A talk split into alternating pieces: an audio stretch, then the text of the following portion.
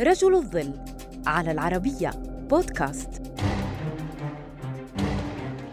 مدرس لغة صينية بهندام بسيط ودخل متوسط. هكذا كان يبدو حال كونان مولودي قبل أن يمتلك اسما جديدا وشركة كبرى وثروة طائلة.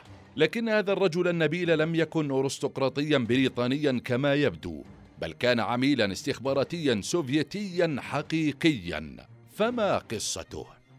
ولد كونون مولودي بكندا عام 1924 لكنه مكث مع عمته بأمريكا حتى عام 1938 حيث عاد إلى موسكو وتابع دراسته الثانوية ثم انضم للجيش الأحمر.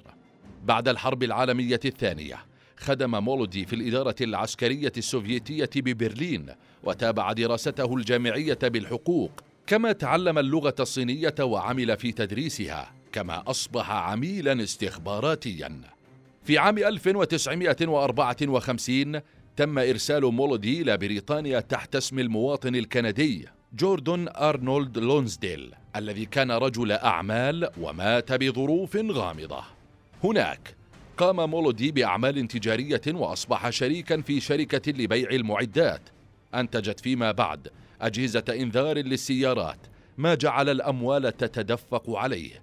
كما كرمته إليزابيث الثانية بسبب هذا النجاح لكن ذلك لم يمنعه من واجباته التجسسية حيث جمع معلومات عن القواعد الجوية والبحرية البريطانية والأمريكية وعن التطورات البريطانية لتشغيل المفاعلات النووية على الغواصات وصناعة الأسلحة وجند موظفين تحت إمرته فيما عرف بحلقة بورتلاند للتجسس حتى اعتقاله في السابع من يناير عام 1961 حكم على مولودي بخمسة وعشرين عاما ولكن اسمه الحقيقي لم يكشف حتى الثاني والعشرين من أبريل عام 1964 عندما تمت مبادلته مع رجل الأعمال البريطاني جريفل وين الذي كان مسجونا بموسكو.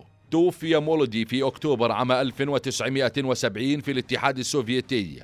حيث قضى سنواته الأخيرة هناك بمنصب ذي أهمية ثانوية بعد أن عاش حياة مرفهة كأحد أهم الشخصيات الأرستقراطية في بريطانيا.